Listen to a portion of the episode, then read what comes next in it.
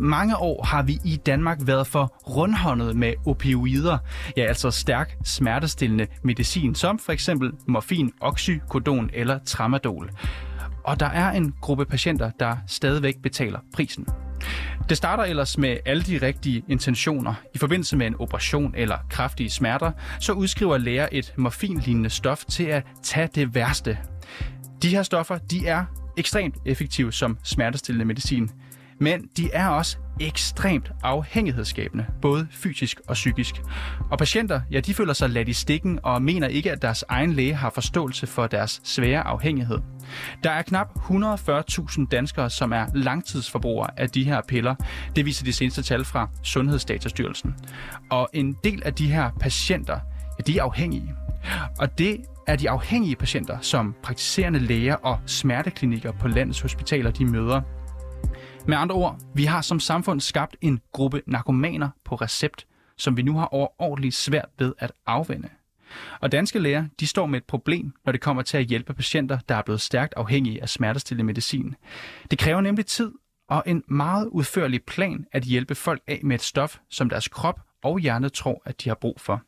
Det er reporterne i dag. Mit navn er Niels Frederik Rikkers.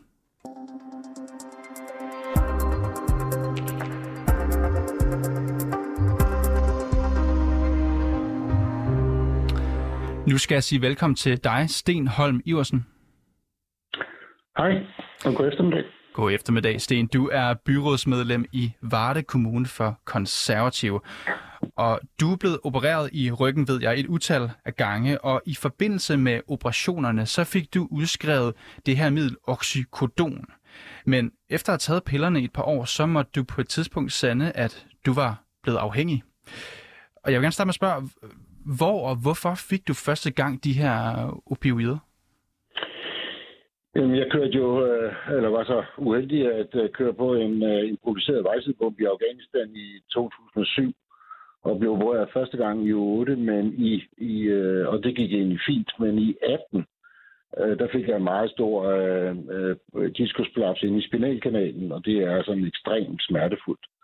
Øh, så øh, det var altså den 23. oktober, der starter de med at øh, ordinere de her øh, depot-præparater til mig. Øh, og ja. Du siger, du, du, du får det første gang ordineret her i øh, oktober 2018. Ja. Hvor længe får du de her midler efter det? Jamen, mit forløb blev øh, kompliceret, fordi jeg fik en repolaps. Øh, jeg blev opereret i øh, 8. November 18, og så fik jeg en ny prolaps, og blev opereret igen i februar øh, 19, og så endelig i september 19, der gav de mig så en stivgørende lændeoperation.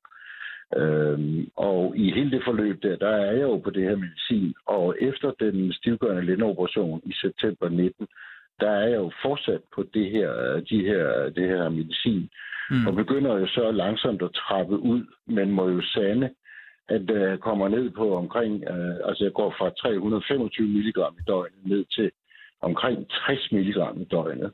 Og når jeg når ned på den dosis der, der er det simpelthen forbundet med så ekstremt mange abstinenser at fortsætte udtrapningen, at, uh, at, at jeg står i virkeligheden ved en skillevej. Enten skal jeg tage en kold tyrker, eller så skal jeg i virkeligheden uh, mere eller mindre bare opgive og trappe ud af, af, af præparatet. Kan du huske, kan du huske ja, du vælger, så, du vælger så at blive ved. Kan du huske, hvornår du første gang... Nej, jeg vælger netop ikke at blive ved. Jeg vælger jo at tage en kold tyrker. Du vælger at tage en kold tyrker. Ja. Øh, beklager, og jeg skal lige forstå, kan du huske, hvornår du første gang opdager, at du var afhængig? Jamen, det opdager jeg, altså det opdager man i det forløb øh, fra 18 og så frem til 20, fordi hvis man ikke øh, når sine intervaller, der, der lever man jo i fire timer eller seks timers intervaller. Og hvis man ikke øh, ligesom får, får taget sin medicin til tide, altså så får du enten ekstremt ondt, eller så får du abstinenser. Øh, så, så det, er du, det, er jeg, det, det var jeg i hvert fald pinligt bevidst gjort om, at de her præparater, dem, de var blevet en del af mig og en del af mit liv. Og de, de fulgte mig jo alle vejen. De her abstinenser, du, du nævner, kan du ikke lige prøve at beskrive, hvordan opleves det? Jeg, jeg tror, det er vanskeligt at beskrive for folk, der måske ikke har prøvet det, men det kan vel bedst beskrives ved, at alle fiber i din krop skriger på at få det bedre. Øh, og der er kun det her præparat, der kan give dig en bedre øh, fornemmelse i kroppen. Øh, så, så det er en ekstrem altså, oplevelse og følelse. Og øh, jeg antager, øh, at det er nøjagtigt den samme fornemmelse, som en narkoman har. Øh, øh, fordi altså, det eneste, man er fokuseret på, det er jo at få abstinensen til at gå væk, fordi de, de, er, så, de er jo så ekstreme. Altså, det er jo influenza-symptomer, det er tics, det er rystelser, det er kulde, det er varme.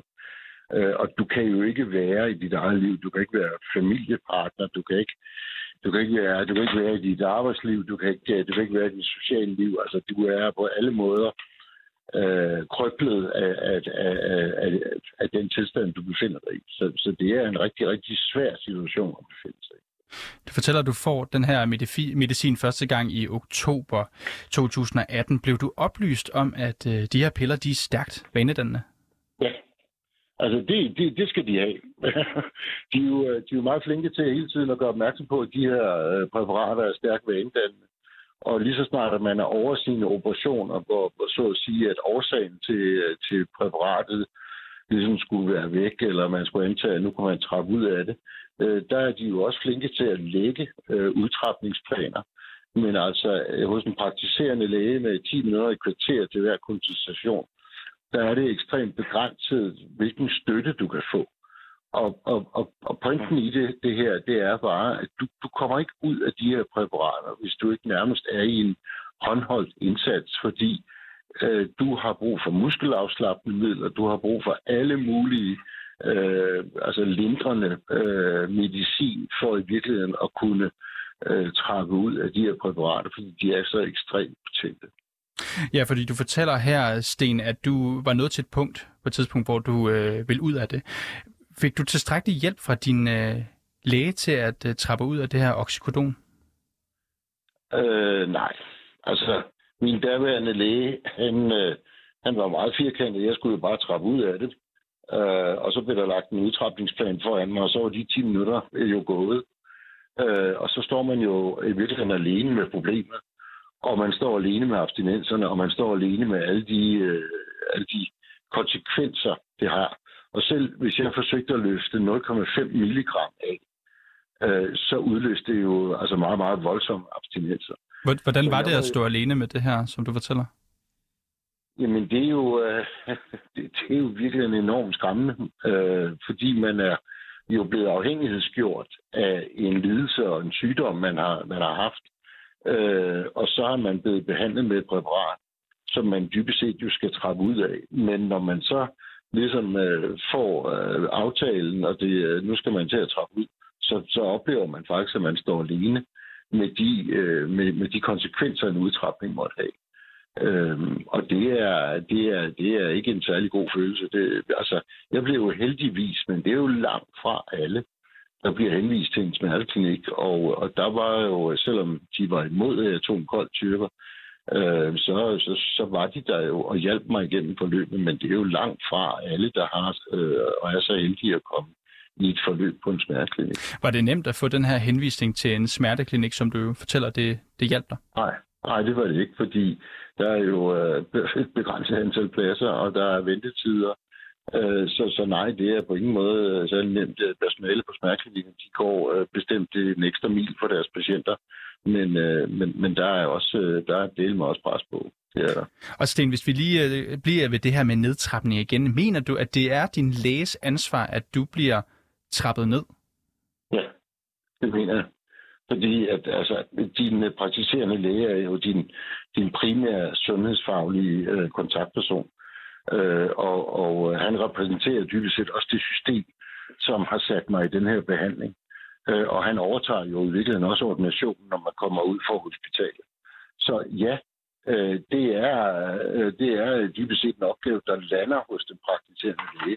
Men jeg må jo også konstatere, øh, at, at han har ikke, eller de har ikke, og nu skal man passe på med at slå alle over en kamp, altså de har hverken tiden eller ressourcerne til at hjælpe deres patienter igennem sådan et forløb som det her. Øh, og, og det gør jo så, at, at, at vi har mennesker, der ender på de her præparater, og øh, hvis vi så, og de læger findes, der findes jo læger, der stopper ordinationen, Og øh, dermed så kaster de jo deres patienter under bussen i en grad, som er ekstrem, øh, altså øh, et ekstremt stort svigt. Og de patienter, de ender på gaden, og dem har jeg, jeg har jo mødt ufattelig mange kranke skæbner på min vej igennem sundhedsvæsenet, også og mennesker, der selvmedicinerer sig med, med cannabis og med alle mulige ting, som, øh, som får for ligesom at kompensere for den øh, ordination af morfin, som deres læge så udskrive til dem længere.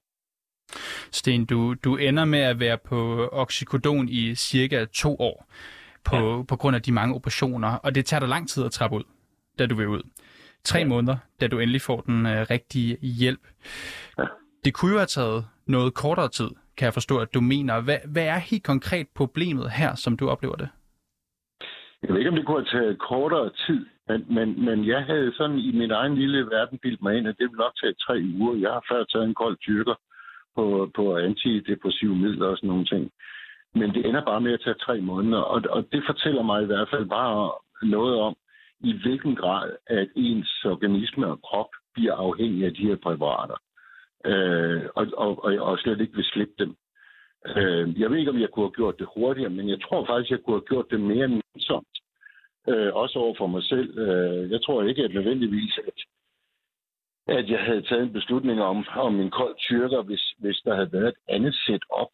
Og det er virkelig også det, der er mit budskab. Altså, vi er nødt til at, at, at udbygge de specialiserede tilbud, øh, som, som vi stiller til råd for den her patientgruppe, fordi de, det er en ekstremt vanskelig situation, og det er jo, altså, det er jo helt almindelige mennesker, som der er mig, altså kontorassistenter, husmøder, øh, og direktører, og alle mulige mennesker, der er blevet opereret for en hofte, et knæ eller en skulder, øh, som ender i den her situation. Øh, og, og, og, og, og det er næsten en uoverkommelig opgave at bede, øh, bede dem om at stå med det Lige her kort til sidst, øh, Stenholm Iversen. Nu ser det ud til, at tallet for opiater på recept, ja, det er dalende. Kan det ikke være et udtryk for, at tingene fungerer bedre nu, end de gjorde for dig for et par år siden? Jo, det kan også være et udtryk for, at lægerne er blevet mere tilbageholdende med at ordinere, og dermed skubber flere patienter under bussen. Altså, det, det kan jo også være den anden side af historien.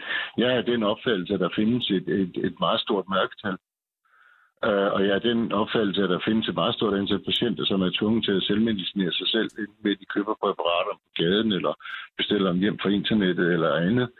Øh, fordi netop, at, at når Sundhedsstyrelsen går ud med, med, med en vejledning til de praktiserende læger, nu skal de sørge med at være opmærksom på at skære ned på, på ordinationerne. Ja, det er jo meget fint, men så burde der jo samtidig være et tilbud til de her patienter, der hjælper dem med at få trappet ud af præparaterne. Stenholm Iversen, uh, Stenholm Iversen, byrådsmedlem for Konservativ uh, i Varde Kommune. Du skal have tusind tak for at være med og dele din historie med os i, i dag. Det var slet. Og nu skal jeg så sige velkommen til dig, anne Christine Kjærulf. Velkommen til skal jeg lige skrue for din mikrofon. Velkommen til, anne Christine. Tak skal du have. Du er praktiserende læge og næstformand i Dansk Selskab for Almen Medicin, som er de praktiserende lægers faglige organisation. Du har siddet og lyttet lidt med, mm. ved jeg her. Først vil jeg lige spørge dig, når du hører Sten Holm Iversens fortælling her om hans eget, kan man sige, nærmest misbrug af, af det her medicin her, hvad, hvad tænker du så? Jeg tænker, det er utroligt dejligt, at der er nogen, der vil fortælle historien og, og fortælle, hvor, hvor hårdt det er og hvor ensom man er. Øh, det, det, det, giver, øh, det, det er jo et tabu, vi ikke øh, hører så meget om. Og han har fuldstændig ret i, at vi kun har 10-15 minutter per gang med de her stakkels mennesker, der er kommet i det her forbrug. Øh, så vi... Øh, vi øh, vil rigtig gerne bygge, bakke op om den idé om, at der skal være mere støtte, fordi det er måske ikke i vores... Øh, Øhm, øh, øh, konsultation, vi kan løse det hele. Vi er dem, der udskriver, og vi er jo ansvarlige, det var Sten også inde på, vi er jo ansvarlige for at vedligeholde dem, vi, vi kender. Jeg kender ikke til mørketallet, øh, og jeg hører heller ikke om det. Jeg får ikke nogen, der henvender sig øh, for at har have taget noget på det sorte marked. Øh, så de er i hvert fald ganske alene. Men dem, som kommer til mig, øh, der er vi jo ansvarlige, og øh, vi, tager, vi tager samtalen Ja, hvad er det for et ansvar, I har? Du siger, at I er ansvarlige. Det er os, der udskriver recepterne, ikke? Det er os, der øh, accepterer, at nu går der øh, de 50 dage mere på den her recept. Øh, vi er jo meget bevidste om, jeg synes jo til gengæld, at den her retningslinje fra 19 for Sundhedsstyrelsen har gjort, at vi er meget bevidste, og, og har jo set det her 30% reduktionen i øh, forbruget af morfinlignende præparater. Øh, så på, på den måde synes jeg jo, at det er en succes, fordi vi prøver at gøre det, at de har kortere behandling, så de ikke kommer ud i så svære øh, mis, øh, hvad hedder det, afhængig, afhængighedssymptomer, øh, og at vi øh, bevidst gør patienterne i, at det er, det er ikke den vej, det skal ikke fortsætte den her vej. Vi skal videre, og vi skal bruge nogle andre metoder. Men problemet er, at vi skal have, vi skal have det der, øh, det er jo den psykiske... Øh, afhængighed, der også er, er på spil, og, og der skal bruges øh, rigtig mange kræfter på at, at snakke coping-strategier, og hvad er der god livskvalitet for dig, øh, og vi kan ikke tage det på et kvarter. Typisk er der den modstand, vi også skal arbejde med, fordi patienten jo faktisk bare er bange for at blive ladt alene og komme hjem og skulle nedtrappe. Anne Christine Gjørf, lad os lige, altså, hvis vi kigger på det Stenholm Iversen, han, han oplevede her. Han føler, at han stod alene med det. Ja. Kan han pointe, når han hævder, at han ikke fik nok hjælp af sin læge? Jamen, det vil jeg jo godt sige. Jeg, jeg kan jo, det er jeg jo helt sikker på, hvad patienterne siger, det er jo rigtigt. Øh, det er det. Øh, vi har bare fra vores side jo ikke større setup, end det vi har. Så, så det, jeg peger på... Så I kan ikke gøre mere, øh, du? Vi kan, vi kan ikke lave den specialiserede behandling omkring alt det med, med fysisk træning og afspænding og en øh, udvidet øh, samtale om coping-strategier. Det kan vi måske godt i, i nogle tilfælde, men vi har ikke kapacitet tidsmæssigt, fordi vi også har andre patienter. Han siger, at han blev kastet under bussen. Altså, der er jo en læge, der sidder ja. og siger, at du kan bare trappe ud. Ja. Ja. Er, det, er det godt nok, at det foregår? Jeg tror ikke, den læge har været opmærksom på, hvor svære mm, abstinenser han fik øh, i virkeligheden. Øh, jeg vil ønske mig, at vi kunne henvise for eksempel til et kommunalt tilbud, som lavede hele pakken, hvor man mødtes med andre i en gruppe kommun, kommunerne er super gode til at lave tilbud, hvor vi, skal, øh, hvor vi kan sende folk hen til træning eller øh, kostregulering, øh, når man har sukkersyge. Og de kunne også lave et, hvor vi kunne henvise, fordi vi har nemlig det problem, at smerteklinikkerne ikke kan tage dem. De afviser faktisk vores patienter. Der er 9-12 måneders ventetid. Så de komplekse udtrapninger øh, står vi med mm, og, og kommer til at, at, at gøre det lidt... Øh, øh, øh, elendigt, kan man jo høre. Ikke? Men så ender man vel også som en øh, patient, eller som en, en, en, øh, en, et eksempel som Sten her, mm. lidt mellem to stole. Mm. Altså på den ene side, så er det svært at komme ind i en smerteklinik, og på den anden side, så sidder der en, en læge, som siger, at du kan bare trappe ud. Ja. Og måske endda negligere lidt, hvor hårdt det kan være. Men hvis den læge kunne... Går det ikke ud over patienterne her? Jo, det, det, hvis den læge kunne henvise en kombination af, at lægen skriver recepterne ud og, og reducerer rigtig ganske langsomt og fint og holder øje med det, og så kunne henvise til, at patienterne så havde et sted, hvor de mødtes med andre, der var i samme situation, og lærte nogle coping-strategier og noget træning, og hvordan skal man leve med kroniske smerter, øh, så ville det jo være meget bedre. Fordi Men er det ikke ønsketænkning? Det er ønsketænkning. Jeg peger bare på en rigtig god løsning, tænker jeg. ikke, Fordi jeg synes, der er, at, at jeg godt kan høre, at der er et problem. Ikke? Hvor vi har jo ansvaret, det er os, der skriver ud, men vi er også presset fra Styrelsen for Patientsikkerhed, og forstå mig ret, jeg synes, det er rigtig godt, at styrelsen holder øje med os, og vi ikke bare, fordi der kommer et, et forhold imellem patienten og lægen, hvor lægen rigtig gerne vil holde kontakten til patienten, og helst, og så alligevel gå med på at, at udskrive den her recept, og dermed så går tiden, og de bliver mere og mere afhængige. Ikke? Og vi ved med kroniske smerter, at medicinen ikke virker efter øh, noget tid, og der bare er tilvænding. Det vil sige, at det er i virkeligheden meget bedre at komme ud af det. Øh, de har det som regel meget bedre, når de er kommet ud på den anden side. De bliver klare i hovedet igen, og, øh, og bliver meget mere taknemmelige for... for øh, ved vi, i hvilken sammenhæng de her patienter de typisk får udskrevet de her opioider i første omgang?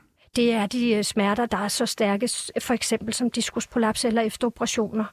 Øh, det, det er dem, vi behandler med det, for ellers så... Kan der være andre alternativer, så som måske lader være med at udskrive de her midler en gang imellem? Eller tage noget middel, mildere midler måske? Oh ja, men det er vi jo meget bevidste om. Vi bruger altid de mildere øh, præparater først. Øh, det er jo øh, sådan en trappetrinsmodel. Øh, ikke? Panodil først virker det ikke. Øh, ibuprofen eller NSAID-præparater, hvis man ellers tåler det. Og så er vi over i morfinlignende præparater. Og så er det, at vi ved, at vi skal gøre det i en kort periode, gøre patienten bevidst om, at vi forventer kun, det er en til to uger, og så er der en langsom udtrapning, og vi skal ses igen, og man kan aldrig komme op, øh, man kan ikke få det her morfin uden morfinlignende præparater, uden at komme op til lægen. Der har vi også en, en, en problemstilling, fordi at øh, det er lidt nemmere bare i telefonen eller skrive til lægen, jeg skal lige have fornyet. Det må vi simpelthen ikke. De skal komme op til os, så vi kan se dem i øjnene, og dermed burde vi jo også fange lidt, at de ikke er for alene. Men der kommer bare det pres fra patienterne. Prøv at høre, jeg, jeg skal bare have det. Så, så du siger, at ansvaret ligger også hos patienten? Nej, patienterne øh, gør jo bare det, de øh, øh, føler er bedst for dem. Ansvaret ligger jo hos os, men vi vil gerne have mere hjælp, så vi havde et tilbud til, til dem også. Ikke? Øh, så vi ikke øh, er bare at dem, der skuffer patienten. Ikke? Og nu skal jeg jo straks deklarere, at jeg er jo på ingen måde lægefaglig øh, på den måde. Mm. Ikke i samme høj grad, som, som, de, som læger er. Jeg ved jo, det her oxycodon, der er vi jo inden for de morfin-lignende midler, hvis jeg ikke tager helt fejl.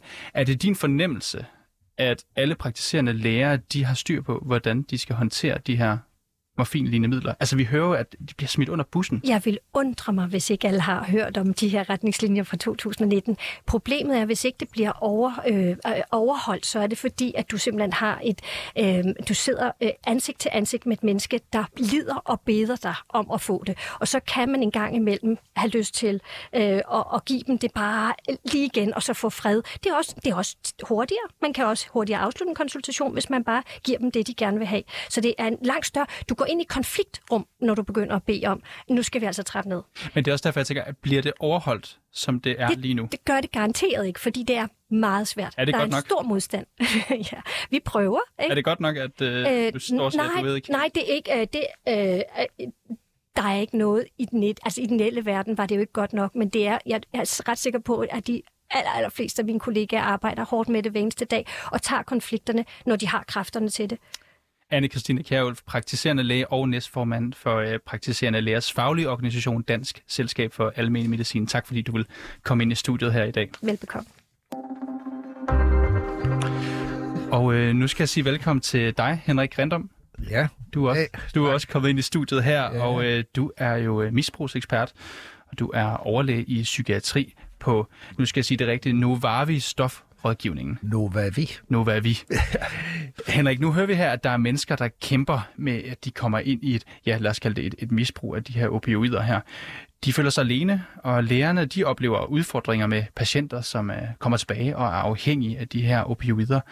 Hvor stort er problemet på samfundsniveau? Altså, de eneste tal, jeg har, det er fra Jette Højsteds store undersøgelse, hvor hun gennemgik 530-40 kroniske smertepatienter for øh, antagelig afhængighed. Hvor de altså kommer ind, og de siger, at de stadig har smerter. Uh, hendes resultater viste, at man må, vi må antage, at cirka 20 procent af dem, det var opioidafhængige, når man så det levevis, de havde, og den måde, de brugte stofferne på. Så øh, hvis de 20 procent gælder for landet som helhed, så har vi blandt de kroniske smertepatienter mellem 20 og 25 og 30.000 kroniske smertepatienter, der reelt kunne afhjælpes øh, med deres afhængighed af opiaterne. Som måske ikke, altså det vil sige, at der er en stor gruppe mennesker, som er afhængige af det her, som ikke Som, som i hvert fald ikke får chancen for at prøve at få den rigtige hjælp til at blive aftrappet. Kan man antage, at størstedelen, hvis ikke alle den her gruppe mennesker, de får det på recept? De f- alle, alle får det på recept. Alle. Kan man kalde det narkomaner på recept? Vi kan også kalde det narkomaner på første klasse. Altså, der er mange... Ja, vi kan kalde det så meget. Men det er jeg, sådan som jeg ser det, så synes jeg, det er pinligt, at vi ikke prøver at hjælpe disse mennesker, disse patienter med at komme ud. Og i en praktiserende læges dag, travle dagligdag, med mange hele tiden forskellige problemer, de skal forholde sig til så meget i almen praksis. Lige fra børn, der er snottede, og til gamle mennesker, som lige pludselig ikke kan det ene og det andet. Der er der altså ikke tid til også at skulle tage sig af det omstændige arbejde, det er at hjælpe en morfinafhængig med at komme ud sin morfin. Det er jo en indviklet situation, vi på en eller anden måde er havnet i her, fordi som du siger, lægerne de savner på en eller anden måde mere forståelse for patienterne. Patienterne de savner mere hjælp fra lægerne. De fleste mener, at der er generelt en, øh, en klar forbedring i den danske håndtering af opioider. Forbruget er dalende, men samtidig så fortæller folk også, at på trods af det, at det går i den rigtige retning, så er der stadigvæk et vist problem. Hvor er kilden til problemet, som du ser det? Det er, at problemet er, at praktiserende læger, de bliver simpelthen dænget til med alt muligt, de skal tage sig af. Det, jamen, det er jo det er helt vildt. Det er en flaskehals. Det er det.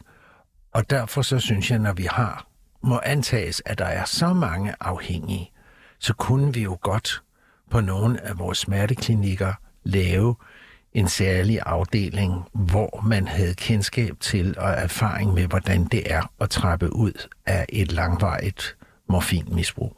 Eller men, men hvad er problemet så? Er problemet, at lægerne de har for travlt, eller ja. er det, at der simpelthen mangler viden om, hvordan begge vi skal dele. behandle det? Begge, begge dele. Begge dele. Der mangler viden i almen praksis, hvordan man gør det, og der er alt for stort pres på, øh, ja, på de praktiserende læger til, at de kan afsætte tid til også at kunne skulle tage sig af det her.